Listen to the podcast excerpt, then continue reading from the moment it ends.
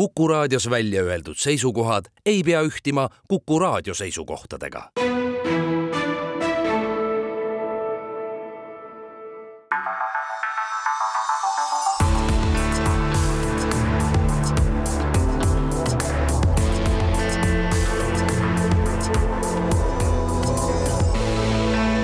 olukorrast ajakirjanduses.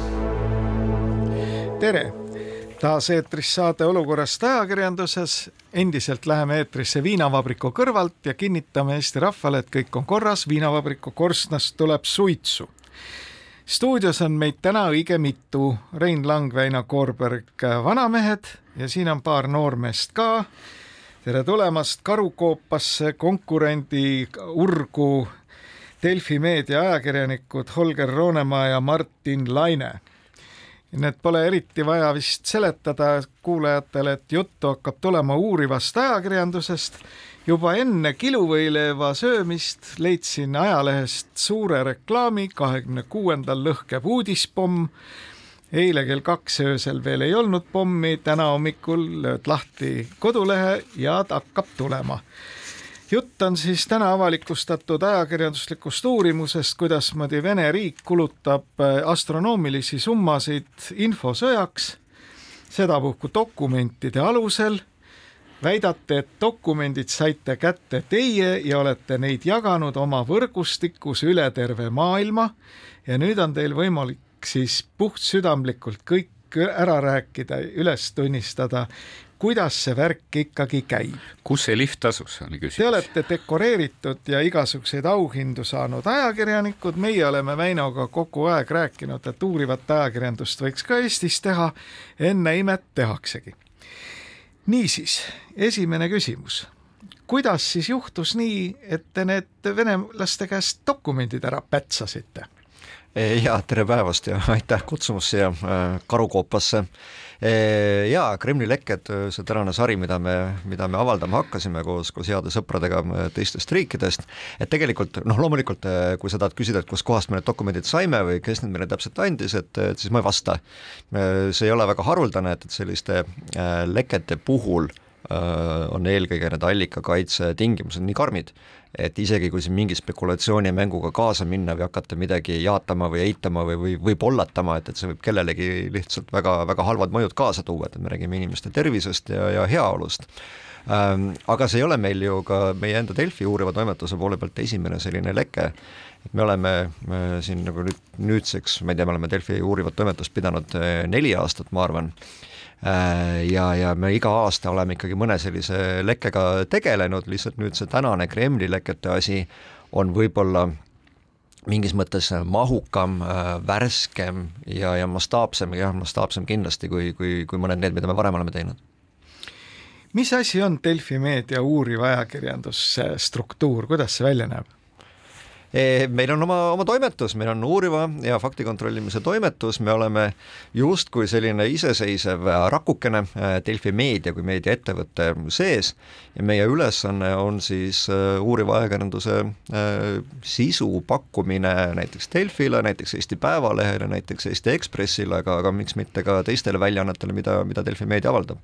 seletame nüüd ära keskmisele raadiokuulajale, kes ei tea mitte vähimatki, et mis see uuriv ajakirjandus on, see tähendab, et teie siis uurite, et tavaline ajakirjandus ei uuri mitte midagi, et teie siis nagu uurite, et mis, mida see, mis on uurivas ajakirjanduses erilist ja noh, tavaliselt me peame selle, selle kohta väga tõsiselt arutlema, et, et kas see on meetod, et te lihtsalt nagu olete, oskate informatsiooni leida ja seda töödelda ja luua seoseid, eks ju, niimoodi saada inimesi rääkima väga keeruliste teemade puhul või siis on see nagu mingi väga mõjukas ajakirjandus, et kumba siis silmas peetakse uh,? Tegelikult sellel, ma arvan, et see on üsna amorfne definitsioon, seepärast et siin on erinevad meediamajad äh, teinud, me oleme ka ise töötanud äh, e ähm, ka eelnevalt näiteks Postimehes uurivas toimetuses, mis nägi hoopis teistsugune välja kui, kui, kui meie praegune uuriv toimetus, aga, aga me oleme sihtinud vähemalt ise nagu seda suunda, et võimalikult nii palju võiks olla aega asja uurida, kui sa ise soovid ehk siis sa ei lähtu mingitest tähtaegadest, sa lähtud äh, vaid sellest, et millal lugu on valmis. ja teiseks muidugi uuriv ajakirjandus tähendab seda, et see aeg, mis sulle antakse, sa pead selle välja teenima, ehk siis et kui sulle antakse võimalikult palju aega, selle võrra võiks see sisu olla ka kõnetavam, maailma muutvam uh,, uudsem ja noh, tõesti uh, uurivas ajakirjanduses tihti võtab üks lugu võib-olla isegi mitu kuud. ma arvan, et see Holgeri lugu võttis mitu kuud aega ja, ja, ja see tähendab seda, et sa pead tõesti rohkem keskenduma allikatele, neid kätte saama, otsima Äh, kasutama väga erinevaid andmebaase, väga erinevaid inimesi saama rääkima, et, et see on selline pikaajaline protsess ja tavalisest ajakirjandusest võib-olla siis eristabki see protsessi pikkus ja, ja see lõpptulem, mis võiks olla siis, milles võiks see protsessi pikkus ka näha olla no Soome Ülesraadio MOT toimetus üllitas siin üks kolm nädalat tagasi või oli isegi rohkem ühe päris huvitava materjali sellest, kuidasmoodi Soomes on erinevaid kaarhalle ja värkstubasid, kus muudkui valmivad aga olulised tooted Venemaa jaoks ja suur osa nendest on kasutusel ka militaarsfääris. Ja mina tegin siin ka ettepaneku mõnele Postimehe ajakirjanikule või siis ütleme, tuuajakirjanikule, et noh, et nüüd võiks uurida, kas Eestis ka sealsuguseid kaarhalle on. Ja enne nalja. Paar päeva läheb mööda ja juba ilmus Martin sinu sules siis pikem lugu sellest, kuidasmoodi kuskil Maardus valmivad kuullaagrid, mida kasutatakse ka masside tootmiseks. et mismoodi tegelikult, kust see inspiratsioon tuli seda uurima hakata, kas see oli nagu soomlaste poolt äh, motiveeritud, ise tulid selle peale ja mis siis sai, kui see mõte tuli mm? -hmm. Seda, et ma võtsin ette siis noh ma olin see algusest saati tegelikult teinud lugusid äh, Statistikaameti baasilt lihtsalt, et kui palju me oleme Venemaaga kaupa vahetanud ja Statistikaamet, kui sa teed selle lahti, siis seal avaneb niisugune kastikeste rodu, et näed, äh, kuullaagreid on viidud nii palju, masi-, masinaid nii palju, autosid nii palju ja ma soovisin teada saada, kes nende kastikeste taga on. Ja no eriti veel, kui oli veel see Kaja Kallase skandaal kus siis kuskilt info jooksis läbi, et neid logistikaettevõtteid, kes viivad äh, Venemaale, on sadu, eks ole. et siis ma tahtsingi teada, kes need on ja, ja, ja tõesti see Soome uurim-, uurimine, ma, ma kusjuures pätsasin selle metodoloogia sealt, nad viitasid seal ühele Ukraina presidendi töörühma uuringule, kus olid välja toodud siis need kaubakoodid, mis on võimalik kasutada siis Vene sõjatööstuses. ja ma tõesti äh, kohendasin oma uurimust, mis niigi juba käis selleks hetkeks, äh, et teha üks lugu ka sellest, et äh, mis pilt avaneb siin nende nii-öelda kaheotstarbeliste toodete osas ja leidsingi siis need kaks-kolm tehast, mis nagu päriselt to toodavadki tõenäoliselt Vene sõjamasinale tooteid.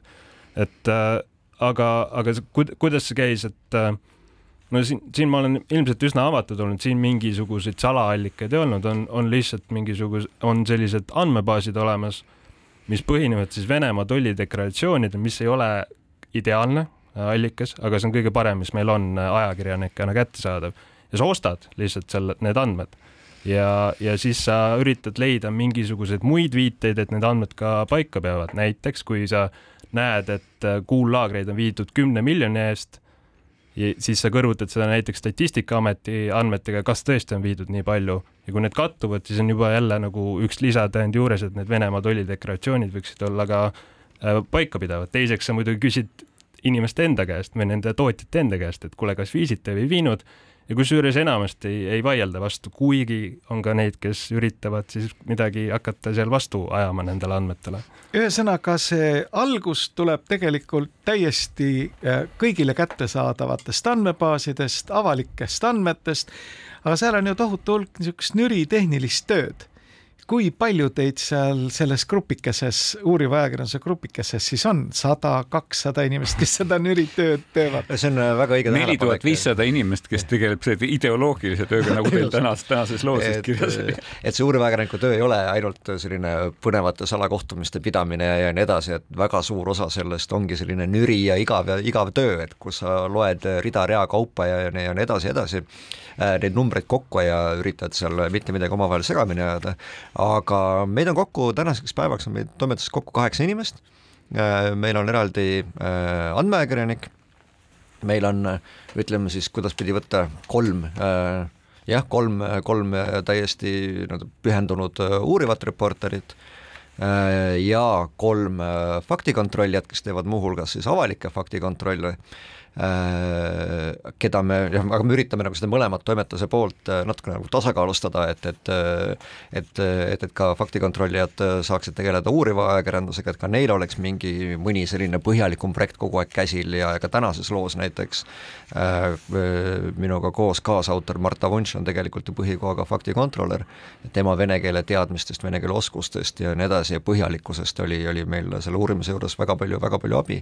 Ja siis kuskil seal olen mina veel vahepeal, kes ma üritan ka tegeleda reporteri tööga, et ma ei saa seda oma hingest välja, aga, aga takerdun aeg-ajalt administratiivsetesse kohustustesse. nii et kaheksakesi, aga teeme siinkohal väikse pausi ja siis räägime võrgustikust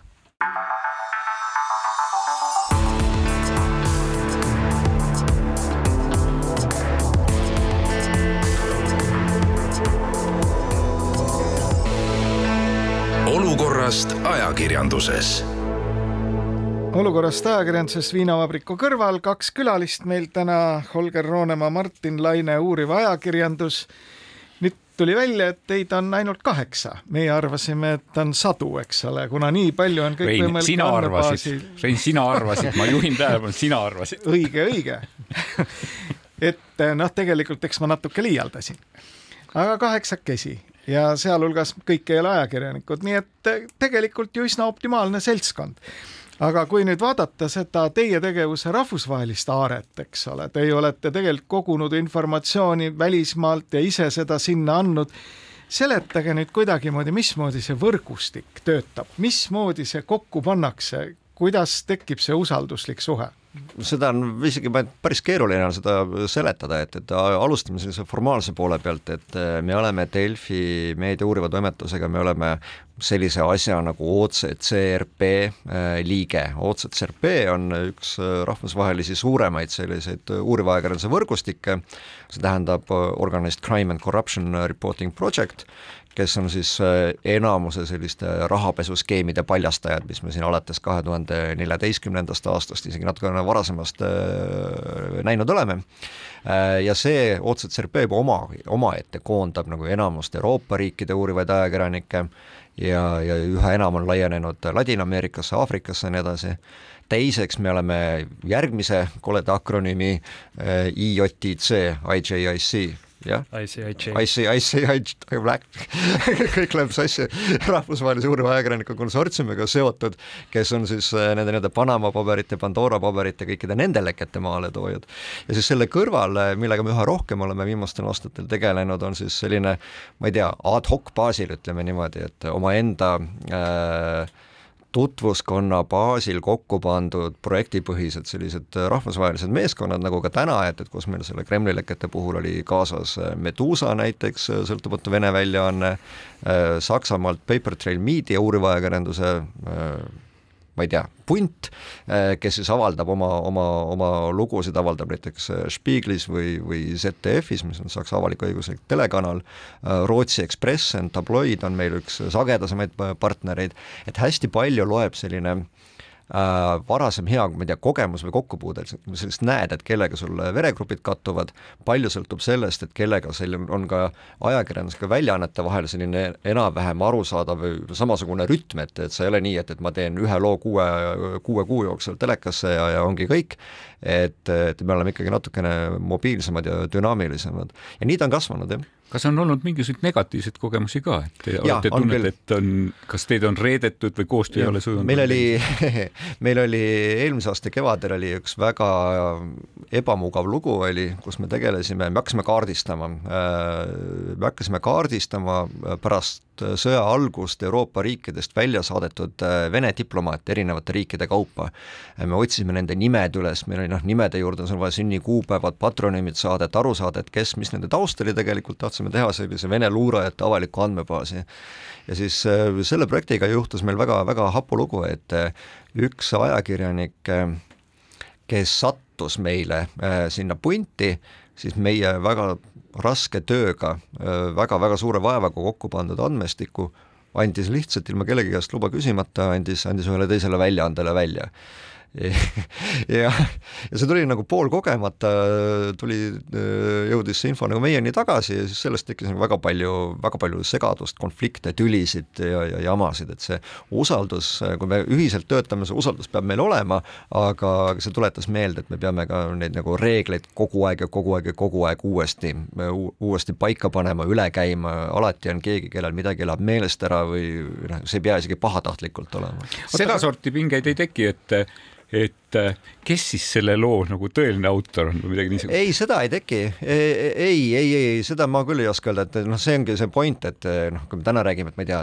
et see on nii-öelda Delfi toodud leke ja meie jagasime, et teinekord on, on, on täpselt vastupidi, et, et on, ma ei tea, Ekspresseni või, või, või Spiegli toodud leke jagatud meiega, et, et miks me neid asju koos teeme, ongi see, et, et kui me koos uurime, äh, punkt üks, me saame kõik paremad lood endale, me saame paremat infot, rohkem infot, me, me saame rohkem süvitsi minna ja punkt kaks, et me näeme, et needsamad lood või teemad või projektid, et nad jõuavad palju suurema auditooriumini, mis tähendab, et ka nende mõju on, on suurem.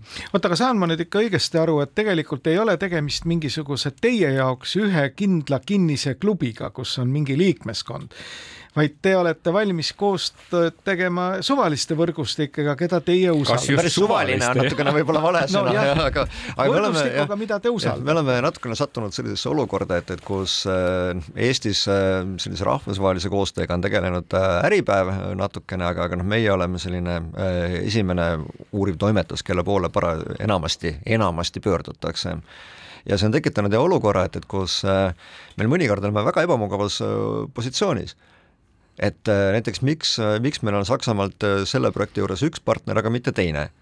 Ja, ja, ja miks me võtame näiteks ühe Vene partneri ja mitte teise?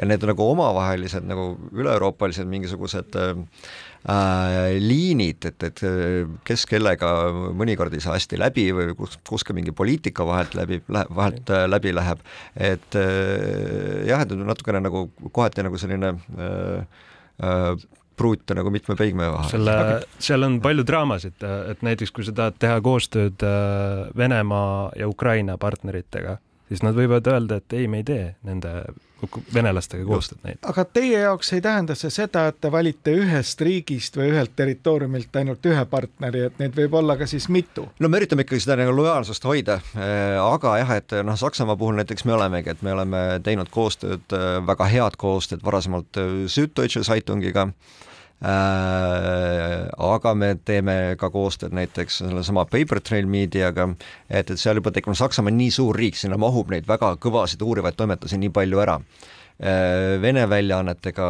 noh, me oleme teinud koostööd äh, Dossieriga kindlasti, me oleme teinud koostööd Insideriga, me oleme nüüd teinud, esimest korda tegime koostööd Medusaga. iStories ja iStories kindlasti, Važne story, et, et me nagu mingi koha peal sellist, noh, sõltub projektist, sõltub konkreetsest teemast, kas me räägime, ma ei tea, luureteemadest, kas me räägime rahapesu teemadest, et sõltub ka, millist partnerit valida, aga teisest küljest me ikkagi tahaks ka sellist lojaalsust hoida, et nagu ma ütlesin, et näiteks Rootsist Expressen, Poolast äh, on Front Story äh, ja, ja Viisquare, kellega me, kellega me teeme koostööd noh, Lätist kindlasti Rebaltica, et et me ikkagi, me ei taha olla ka selline, kes nagu mööda, mööda küla kogu aeg ringi jookseb erinevates suundades, et, et see ei ole ka aus ega viisakas kellegi suhtes. kellega Soomes teete koostööd?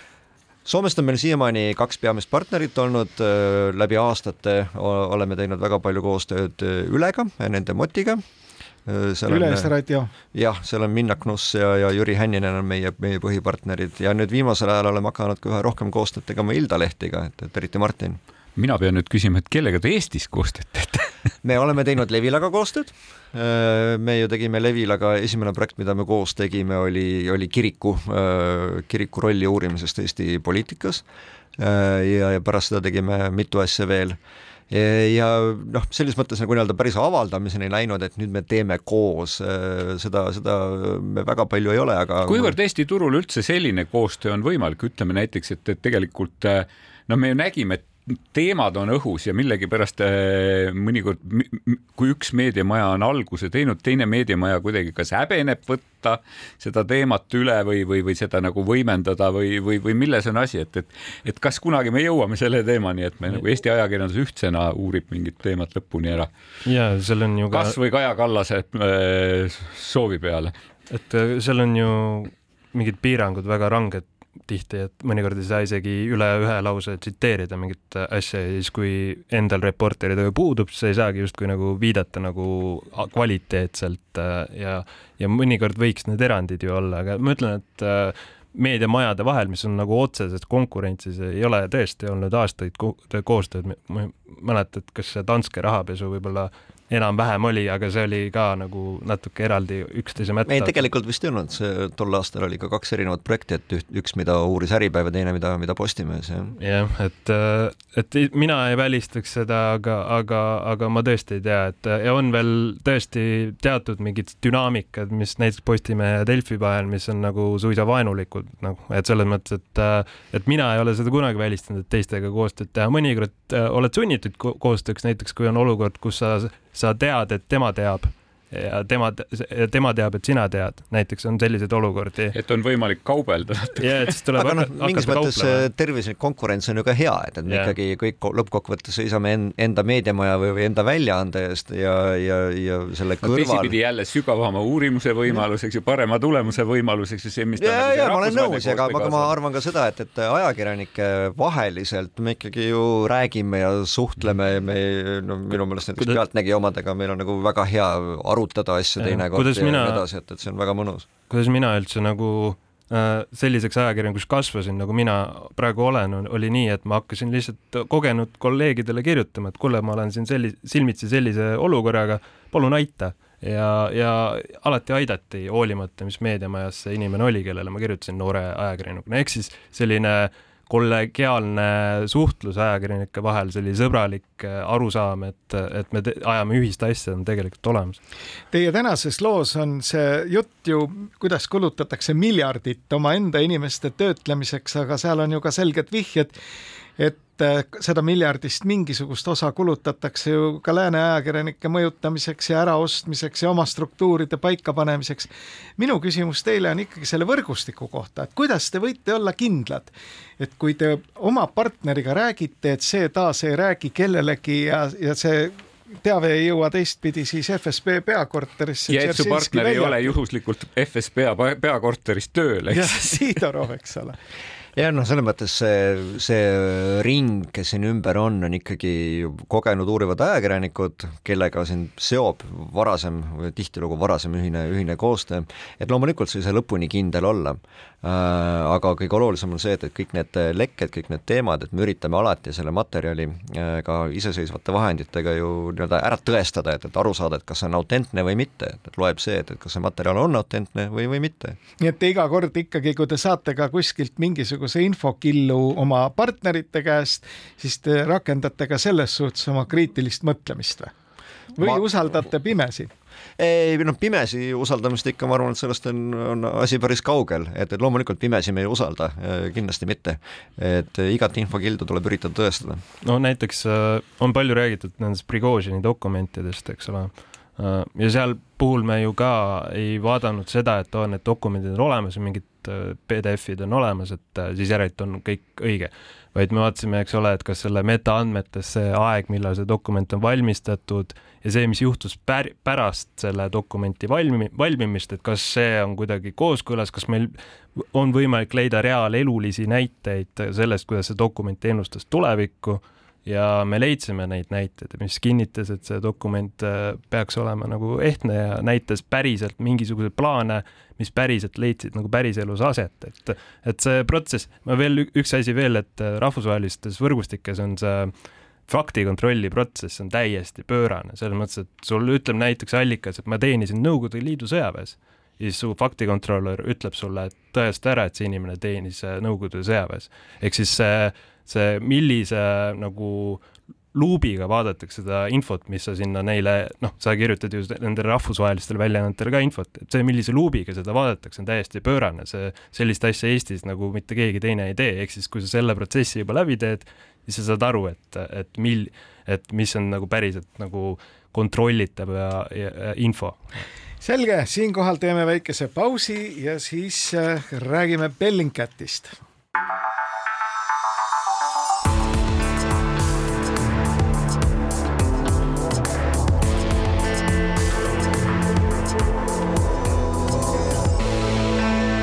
olukorrast ajakirjanduses saade jätkub, viinavabrik tossab, stuudios Rein Lang, Väino Koorberg, Olger Roonemaa, Martin Laine.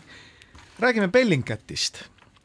Bellingcatiga seob mind isiklikult palju, sellepärast et Kristo Kroosjev, kes selle kogu värgi püsti pani, oli ju mõnda aega minule ja Hans Luigele kuuluva firma tegevjuht Tallinnas. juhtimise puhul sai temaga nalja hullupööra küll aga ma võin kinnitada kõigile raadiokuulajatele, et tegemist on täiesti patoloogilise ajakirjanikuga, kellel kätest tulevad välja küünised, kui ta näeb mõnda huvitavat teemat. ja nüüd hiljem on ta siis püsti pannud sellise uuriva ajakirjanduse võrgustiku nagu Bellingcat, kes on tegelikult põrutavaid uudiseid üle terve maailma siis äh, lasknud seda ma tean, et Kristo, kui ta on äh, käinud Tallinnas ja seda ei ole mitte väga harva olnud, siis ta on ka kohtunud äh, Eesti väljaandjatega ja rääkinud ka võimalikust koostööd, nii et rääkige nüüd ausalt ära, kui palju te Bellingcatiga koos midagi teete me oleme, oleme teinud mõned korrad kindlasti. Äh, jah, ühe korra, kui Kristo Tallinnas käis, see oli enne Ukraina sõda, pakun kahekümne esimese aasta sügisel jah, et, et siis me kutsusime ta meile toimetusse äh, pidama sellist, ma ei tea, workshopi, töötuba, et mismoodi äh, teha seda, mida nemad teevad. Mismoodi osta Telegrami kanalitest, ma ei tea, Vene, ma ei tea, mobiiltelefonide väljavõtteid äh,, inimeste lennuajalugusid ma ei tea, pangakontode väljavõtteid ja, ja kõike seda, noh, kõike, mida on võimalik äh, Vene Telegramist osta Venemaaga seotud inimeste kohta. üht-teist, üht-teist nagu ajakirjanike seas ka ju levib mingi Bellingcati kostatud failist juhendmaterjal, kust midagi saab. ja nad on, on väga nagu avalikud nagu, täpselt, et nad teavad seda jah, jah. aga, aga jah, et, et Bellingcatiga me mõnikord teeme koostööd, äh, Kristo Kruusev, ma arvan, ka ajakirjanikuna selline äh, tuhiseb ringi, tal on kogu aeg viisteist erinevat asja, asja käsil ja kõik need on väga olulised ja väga põnevad, et noh, näiteks see viimane, üks viimaseid asju, praeguse seisuga viimane, mida me, mida me tegime koos, oli ta siis Bellingcat, kes, kes on sisuliselt, ma ei tea äh,, äh, noh, väga lähedaselt seotud Vene sõltumatu väljaandega The Insider äh, et me nendega ju koos tõime välja need Tatjana Štanoka e-kirjad oma FSB äh, nii-öelda agendijuhtidega. Et, et see materjal pärines siis Insiderilt, kaldkriips Bellingcatilt pärast seda lubas äh, Bellingcat äh, minu meelest, Isto äh, Korsev lubas selgitada meile välja, et, et kelle peale kulusid need miljardid Vene propagandaraha, millega pidi ära ostetama Ukraina eliit, aga aga ma kardan, et see uurimine jäi tal ka nüüd natukene tahaplaanile, sest ma saan aru, et praegu ta tegeleb sellega, et et täpselt välja selgitada, mis juhtus Navalnõiga tema just viimastel täpselt, päevadel vanglas. just täpselt, et, et kindlasti Aleksei Navalnõi surm, tapmine Äh, mõjutas väga palju ka, ka tema tööd. mis ma tahtsin öelda veel, et Bellingcat on väga palju panustanud üldse sellisesse ajakirjandusharidusse, uurivasse ajakirjandusse, haridusse selle võrra, et näit-, näidates ette, kuidas teha uurimisi nii, et kõik näevad, kust info pärineb, kuidas ta tehtud on, et nad tihti teevad loole lisaks veel ühe loo, mis näitab, kuidas nad kuidas seda... me seda lugu tegime, et tegelikult yeah. see on ajakirjanduse nagu läbipaistvuse osas ja usaldusväärsuse osas väga oluline just. ja, ja Bellingcat on ju läbi aastate olnud väga tugevalt selliste inforünnakute all, et kus öeldakse, et oo oh,, et see kõik on mingi CIA, mis iganes, MI5 või MI6, kes, kes neile materjali kätte annab ja nad on lihtsalt ühe lääneriigi mingi, mis iganes see Neil on üks ja sama lift. käe, käepikendus või, või osa tegelikult, eks ole, mis ei vasta ja seda enam on nendel see surve äh, näidata, mismoodi nad täiesti avalike vahenditega on siis ära tõestanud või näidanud, et kes on need mingid äh, Vene tropid, vabandust, kes ma ei tea, rakette toodavad ja sihitavad ja saadavad Ukraina elumajade pihta näiteks. ja et, et see ja mis teebki uuriva ajakirjanduse, rahvusvahelise uuriva ajakirjanduse omapäraseks ongi, et me kõik näitame oma trikke teistele ka, et et oleme ise käinud andma kool, andmas koolitusi kui ka saamas terve hulga koolitusi, kus kõik uurivad ajakirjanikud päris avatud kaartidega räägivad, mis on nende kõik äh, pisinipid ja et selliseid konverentse toimub tegelikult kogu aeg, et äh, ja sa, tasub neid ajakirjanikke sinna saata.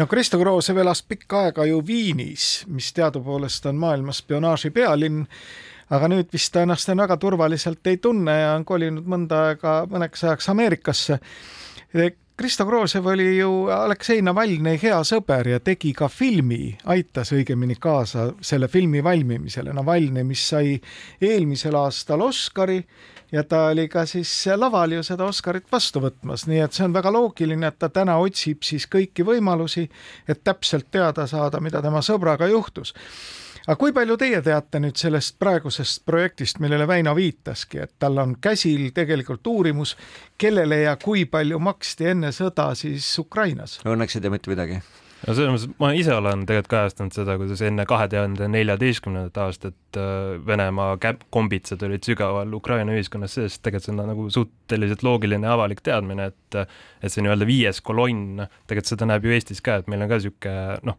väga palju väiksem, kui see Ukrainas oli, aga niisugune viies kolonn on seal Ukrainas kogu aeg äh, äh, äh, eksisteerinud ja see on saanud väga konkreetseid juhiseid iga kord, kui mingi agressioon on hakkamas aset leidma. No ega selles ei ole mingit raketiteadust, Oleg Gordjevski on sellest ju kirjutanud ka eesti keeles ilmunud raamatus, kuidas aeg-ajalt tehakse kõrgete riigitegelaste poolt siivutuid ettepanekuid ärimeestele osaleda ühes või teises tehingus, mis tegelikult on varjatult siis nende sidumine selle riigi luureteenistustega. soomlased kirjutavad praegu hulgaliselt raamatuid sellest, kuidas mõni nii-öelda soometumise järelpesu toob välja seda, mismoodi tegelikult majandussuhete kaudu hoiti Soomet teatava lõa otsas kena, nii et Bellingcatiga teete koostööd, Soomes Üleisradio Iltalehti, aga Soome kõige suurem väljaanne Helsingin Sanomat, mis nendega on, kas nendega ka midagi susiseb? me oleme Helsingi Sanomatega olnud, ma ei tea, kontaktis, ütleme niimoodi, siis läbi aastate erinevatel teemadel, aga me ei ole kunagi nagu päris koos siiamaani midagi, midagi teinud. Et aga, aga taaskord, et me oleme ju olemuselt, me oleme ju avatud, eks ole, et, et kindlasti ühel hetkel äh, Äh, ühte või teistmoodi ka, ka see asi juhtub. Kroosevi näitel me natukene ajakirjanike turvaküsimusi nagu puudutasime, et kui turvaline see elu on siis äh, Eestis või kui turvaline on Eesti uuriva ajakirjaniku elu? no ma ei saa öelda, et, et, et meil kuidagi tunneksime ennast väga ohustatuna, aga samas me, me oleme noh vot al alustame sellest, et eh, kas see oli eelmine nädal või oli kaks nädalat tagasi, ma pakun, et eel-, eelmisel nädalal, kui kapo ja, ja prokuratuur teatasid, et nad on eh, kinni pidanud kas kümme inimest või kes siis FSB, kelle FSB oli siis värvanud eh, mingisuguseid jamasid korda saatma Eestis muuhulgas visati sisse äh, Lauri Läänemetsa autoaknad või, või, või, või mingit moodi vandaalitseti, aga äh, täpselt samamoodi ka vandaalitseti meil Vene Delfi peatoimetaja Andrei Šumakovi äh, auto kallal, ehk siis see oli Vene eriteenistuse nii-öelda tellitud äh,, tellitud jama, mis tähendab, et, et äh, me ikkagi et me, me peame ka ajakirjanikena, ka toimetusena oma turvalisuse teemadega tegelema. ja, ja me, meie Delfi uuriva toimetuse poole pealt, et jällegi, et ei, ei, ei Martini idavedude projekt, ei tänane Kremli lekete projekt, et need ei ole esimesed ja kindlasti nad ei jää ka viimaseks projektiks, kus me tegeleme selliste Vene teemadega äh,. mistõttu me oleme ka politseiga äh, olnud äh, nüüd viimasel nädalal lähedases kontaktis arutanud läbi äh, meid puudutavaid äh, julgeoleku, ma ei tea, võimalikud riskid ja kuidas käituda, meil on oma kontaktisik politseis ja mul on väga hea meel, et äh, PPA võttis omal seesmiselt vastu väga teadliku otsuse, et kui ükskõik mis laadi äh, jama ajakirjanike vastu korraldatakse, on siis auto akna sisseviskamine või, või midagi muud, et siis nad uurivad selle asja lõpuni, et nad ei pane seda riiulile seisma, nad ei ütle, et mine lihtsalt, ma ei tea, kindlustusse ja tee kahjuavaldus, et, et see on nende jaoks äh, kõrge prioriteet, prioriteetsusega no asi. Euroopa meediavabaduse määrus on ka tegelikult äh, ju, mis õige varsti peaks vastu võetama, see peaks hääletus on, ma saan aru, märtsikuus, siis see hakkab kehtima ja see tegelikult ka kohustab üle-euroopaliselt tegelikult pöörama väga väga suurt tähelepanu just ajakirjanike kaitsele ja turvalisusele. siinkohal me peame raadiokuulajale ka üht-teist veel seletama, nimelt Eesti Vabariigi peaprokurör on andnud oma prokuröridele välja lausa kirjaliku juhise, et arvestades ressursipuudust, meie siin riigis kõiki kuritegusid ei uuri mis minu hinnangul on põhiseaduse vastane, aga jäägu see rohkem siis valitsuse otsustada aga see, mida sa praegu räägid, et politsei on kinnitanud, et ajakirjanike vastu panda, toime pandud teod uuritakse valgeks igal juhul, see on muidugi märkimisväärne nii et sellega võiksid siis kõik need arvestada, et kui su jalgrattar kumm tühjaks lastakse, siis sellisel juhul politsei ikkagi sekkub, eks ole. igal kaikal on ka kaks otsa, et seda küsides ma teisipidi küsin, et ühtepidi te kindlasti võiksite see nende, selle teema puhul olla nagu pahade jõudude huviobjektis, aga teisipidi arvatavasti selle informatsiooni vastu, mis teie käsutuses on, tunnevad huvi ka väga mitmed no ka meie jõud jõustruktuurid või ka ütleme ka meie luure selles osas ja, ja noh, ajakirjanikule tekitab see väga niisuguse ambivalentse olukorra, et kuidas teie oma informatsiooni eh, kaitsete ja kuidas te oma informatsiooni jagate selles, selles olukorras? No ja, et siin äh, on mõnikord isegi süüdistatud, et ma ei tea, et Eesti, no mäletan seda saagat, kui Ekspress sai prokuratuurilt trahvi Äh, ja, ja siis kõik targad pead hakkasid rääkima sellest, et kuidas muidu teevad, on ju, omavahel koostööd, aga nüüd järsku ei kõlba, et minu meelest see oli just tõend sellest, et äh, meil jõustruktuuride ja ajakirjanduse vahel just ei peakski mingisugust koostööd olema, me ei ole, kuidas öelda, me oleme küll samal pool rindejoont, aga, aga nagu, nagu näha, siis on võimalik, võimalik. ei ole päris. jah, et, et on võimalik ka selle jõustruktuuriga konflikti minna ja kui on vaja minna konflikti, siis tulebki minna konflikti ja selles konkreetses juhtumis ma arvan, et väga õigusega mindi prokuratuuriga konflikti, ehk siis, ehk siis seda sidet ei tohi minu meelest kunagi liiga lähedaseks saada ja mina isiklikult pole kaitsepolitseis mitte ühtegi infokildu kunagi, kunagi saanud, mis mulle kuidagi nagu nii kasulik oleks, et, et see see nagu kuidas öelda, loo nagu paljastab minu jaoks, et, et peale siis ametlike kommentaaride. aga kas sinu käest informatsiooni on küsitud?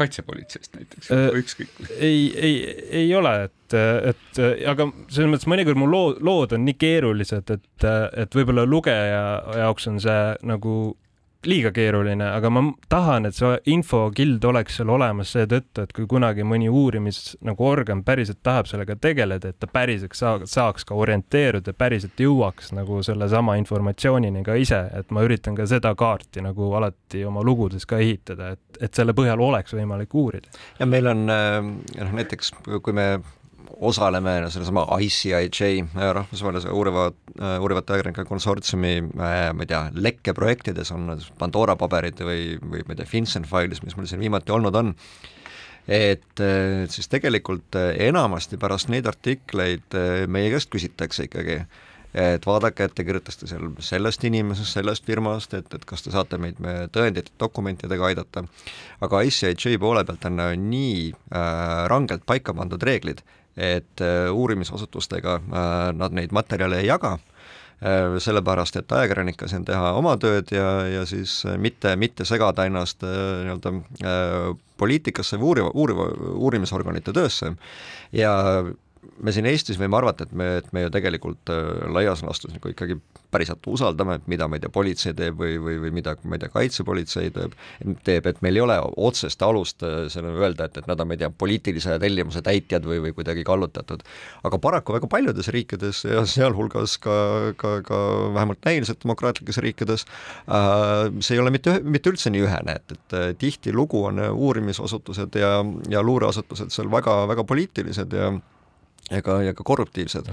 seda ettevaatust tuleb hoida. Ungaris äh, ajakirjanikke uuritakse äh, pahavaraga, eks, jälitatakse konkreetselt äh,. ka Ukrainas on niimoodi, et ukrainlase, Ukraina eriteenistused jälgivad Ukraina ajakirjanikke, kuigi nad on mõlemad justkui ühel poolel, aga tundub, et siin möödunud aastal oli ka juhus, et kas ka Meduusa peatoimetaja ja väljaandja telefonist leiti äkki see veider Pegasuse.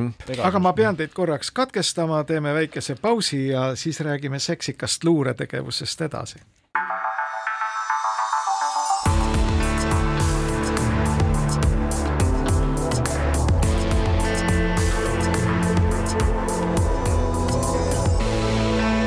olukorrast ajakirjanduses. olukorrast ajakirjanduses viimane veerand. Väinol oli küsimus kui teil meeles on, siis vastake ma nüüd ei mäleta täpselt, mis, mis meil, meil, meil oli vahepeal väga palju, väga palju, e-, väga palju, luuramisest. väga palju erinevaid küsimusi. et kui palju tegelikult ikkagi teie tajute ka seda, et kuskil mingisugused karvased käed on sellest samast informatsioonist, mis teie käes on, on huvitatud või ei ole see Eestis teema? ma arvan, et see ei, ei, loomulikult on teemaks, sellepärast et noh, me, me tegeleme ju nii, nii rahvusvaheliselt sellega ja, ja iga noh, ongi, et iga uurimine on nii tugev, kui, kui on selle kõige nõrgem lüli, eks ole. et kui, kui sinu kaudu kompromiteeritakse mõnda uurimisprojekti, see, see teema äh, Äh, need, see projekt või, või need dokumendid lekivad välja enne, kui te jõuate avalikustamiseni, ava-, avaldamiseni, et siis on ju, siis see võib väga, väga, väga, väga valusaks kätte minna äh, mõne inimese tervisele isegi, eks. et äh, sellepärast me loomulikult hoolitseme ka noh, iga sellise projekti puhul, mida me teeme, me paneme ka sellised, ma ei tea, küber või, või internetiturva nagu reeglid paika, et, et kuidas me suhtleme, et me ei jaga neid dokumente või, või materjali või infot omavahel ei aruta äh, turvamata kanalites, et, et ma mäletan, et ma mäletan, et kui sa käisid õpetamas uurivat ajakirjandust Saarte Ajalehe toimetus, kus ma parajasti ka samamoodi koolitasin, et siis, siis sa olid esimene, kes ütlesid, et, et tuleks kasutada signalit kui, kui kommunikatsioonikanalit ja niipea, kui ma selle äpi oma telefoni tõmbasin, nii ma sain tuttavalt jõustruktuurist kohe esimese sõnumi, mis küsis, miks sinul signal on, et järelikult see tekitas kohe väga suure huvi, ja noh, see signaal on noh, väga no, on nagu täiesti Vene... elementaarne, et. nagu Venemaal VPN-i kasutamine, eks ju, et kasutad VPN-i, siis järelikult äh, teed internetis midagi kahtlast, eks ju niimoodi. et aga ongi signaal, noh, igasugune elementaarne küberhügieen, et näiteks täna mulle on tulnud äh, mitu kirja äh, isiklikult, kus noh, mis tunduvad ilmselgelt petukirjad olema või, või mingid nii-öelda phishing kirjad, et, et sa ei lähe, ei, ei, ei, ei vajuta nendele, et, et sa kustutad nad ära, kui vaja, annad, annad kellelegi teada et, et me peame hoolitsema selle eest ja noh. aga kui sa ammu... peaksid oma telefoni praegu ära kaotama, siis ja, äh, mis no, parem siis oleks, et ei kaotaks. mis siis juhtub? ega ma ausalt öeldes isegi ei tea, et, et, et, et mis siis juhtub, aga noh, ka seesama krüpteerimine, et, et mis su arvutis on ja, ja, ja mis su, mis su telefonis on, et kuidas see ei satuks, kui sa lähed reisile mingitesse kolmandatesse riikidesse, mis ei ole väga turvaline, et kas sa pead sinna võtma oma päris telefoni ja oma päris tööarvuti kaasa või ei pea võtma. Et noh, need, need on alati need põhimõtted, mis, mis tuleb läbi arutada. tuleme korraks selle läinud nädala juurde, et äh, ühel päeval vapustas äh, ajakirjandusringkondi, eks natuke üldsust ka teade, et kaitsepolitsei on kinni pidanud kokku kümme inimest, keda siis kahtlustatakse täiesti mõtestatud ja koordineeritud tegevuses ajakirjanike vastu täpselt samamoodi, jutt on siis Delfi venekeelse no, peatoima ja ministri vastu täpselt, äh, ajakirjaniku auto löödi katki ja soditi ka kõikvõimalikke sümbolväärtusega objekte. nüüd suur asi, kümme inimest kinni peetud, nendest kuus vahi alla võetud, tõeliselt suur asi minu arvates. ja see elas täpselt äh, kaksteist tundi, kuna teine asi tuli kohe peale, ehk siis skandaal tuntud iluuisutamistreeneri Anna Levandi ümber, kes väidetavalt kasutab oma hoolealuste treenimiseks selliseid spartalikke nõukogulikke meetodeid sõnakaid. et, et ja see pani nagu ühiskonna täiega kihama. sellele järgnes siis julgeolekuekspert ja pikaaegse õiguskaitseorganis töötanud Erkki Koorti kolumn Postimehes, kus ta ju ütleb üsna otse, et on ka olemas selline meetod, et ühe skandaaliga tegelikult varjutatakse mingi teine oluline asi ühiskonnas. Et see Anna Levandi asi kindlasti oli väga paljudele Eesti inimestele märksa südamelähedasem ja ja kergemini omandatav kui nüüd mingi kaitsepolitsei keerukas uurimine. ma nüüd Kas tahaks kohe vahele segada igaks juhuks ja öelda, et ei kirjuta sellele alla, et et ERR-i pealtnägija kolleegid tegid minu meelest väga suure töö ära, et, et nad selle Anna Levandi loo päevavalgele tirisid ja ja et kuidagi väita, et, et nad tegid seda sellepärast, et juhtida tähelepanu kõrvale FSB ülisuurtest sigadustelt Eestis, et, et see, see on nõme.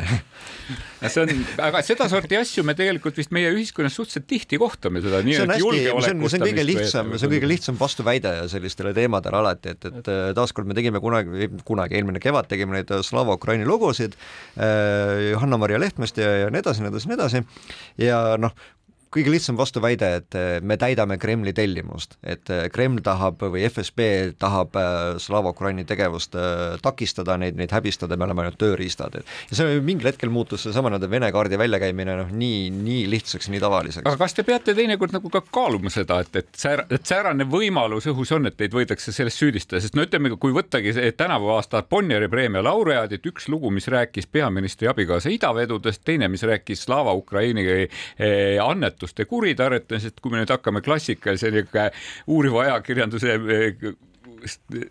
põhimõtete järgi neid analüüsima, et, et kummagi mõju on siis, ühe mõju on see, et keegi ei usalda enam peaministrit ja teine mõju on siis see, et keegi ei anneta enam Ukraina heaks, et väga tore mõju küll, jah.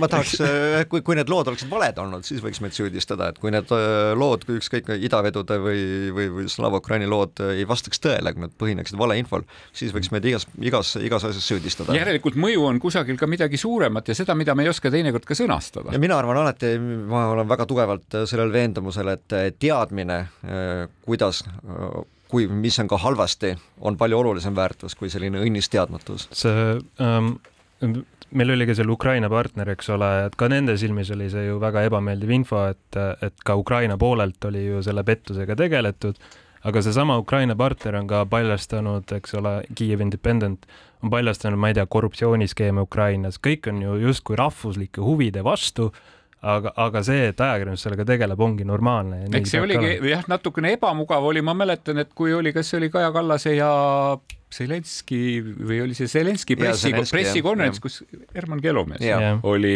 esitas selle küsimuse, mis ei toonud mitte naeratust Ukraina presidendi näole, ma mäletan, vaid, vaid päris nagu niisuguse äh, teda jõllitati kurja pilguga tükk aega, eks. aga siinkohal ma tahaks natukene teile keele kolmele vastanduda et nõustudes küll kõige sellega, mis te rääkisite, tuleb mulle ometi meelde mitmed kirjutised ja mitmed raamatud, kus on analüüsitud FSB tegevust viimase kahekümne aasta jooksul. ja ka igal pool on jõutud ühele järeldusele, et tegelikult see idanaabri luureorganisatsioon, mis on ju kuldselt rahastatud, nagu teie loostki välja tuleb, eks ole, täna et nad ise on suhteliselt viletsad välja mõtlema kõikvõimalikke narratiive, mis hakkaksid siis tööle, aga nad on väga tugevad kasutamaks ära olemasolevaid, ehk siis kasutamaks ära neid juhuseid. et mingi asi on tõsi ja nemad on alati suutelised seda keerama nagu selles suunas, et see mõjub nendele soodsalt Venemaalt või siis Vene imperialistlikule seda me näeme ju tihti, et, et Martin on siin ise kirjutanud äh, Nursipalu ümber kremlistide tekkimisest, et kuidas nad hakkasid ära kasutama, et, et seda, seda me näeme väga palju, jah. aga no selles mõttes, et et selle väitmiseks, et see teema just on konkreetselt seotud sellega, et ma võiks ju võtta, ma ei tea, ERR-i või Delfi esika ette hakata ette lugema mingeid skandaale ja siis nagu huupi järeldada, et aga ju see on FSB-le kasulik, et selleks peaks ikkagi ju olema mingi midagi lisaks veel lisaks kahtlusele, lihtsalt äh, välja visatud kahtlusele, et aa, äkki see, kuna mul on loogiline nii järeldada, siis ma järeldan nii, et ma arvan, et selleks peaks nagu midagi lisaks veel olema, et seda väita, et see lihtsalt narratiivist nagu ei piisa. aga äkki sellele aitaks kaasa see ajakirjanduse läbipaistvus, mis Bellingcati puhul on just nende tugevus. et see tegelikult võtab nagu need äh, põhjendused nendelt nagu pinna alt ära. me aga... vist ei jõua rääkida sellest, et millised lood jäävad sahtli põhja et see jääb mingiks järgmiseks korraks. me tuleme järgmine kord tagasi. just.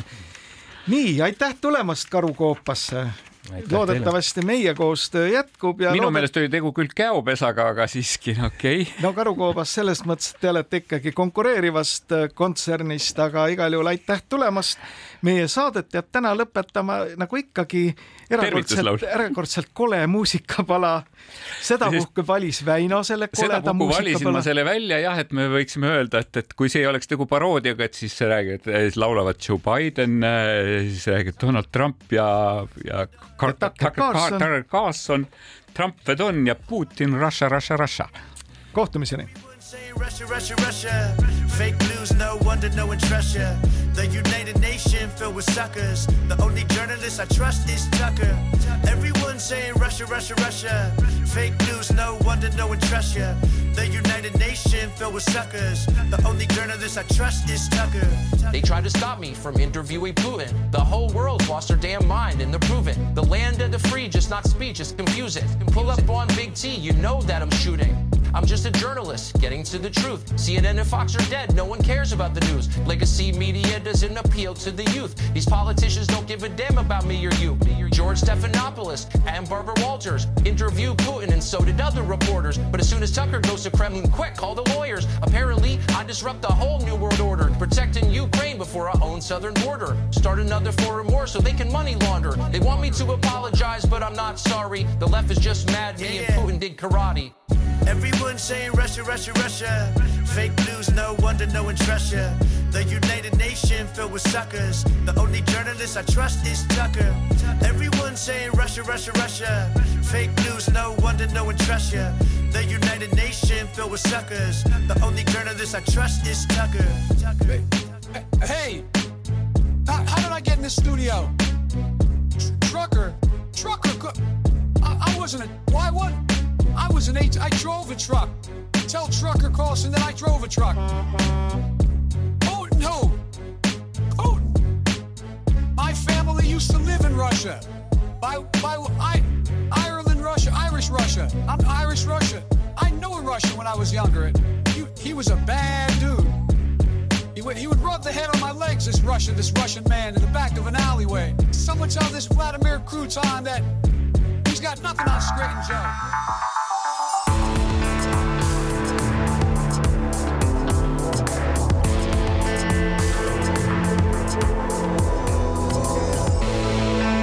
olukorrast ajakirjanduses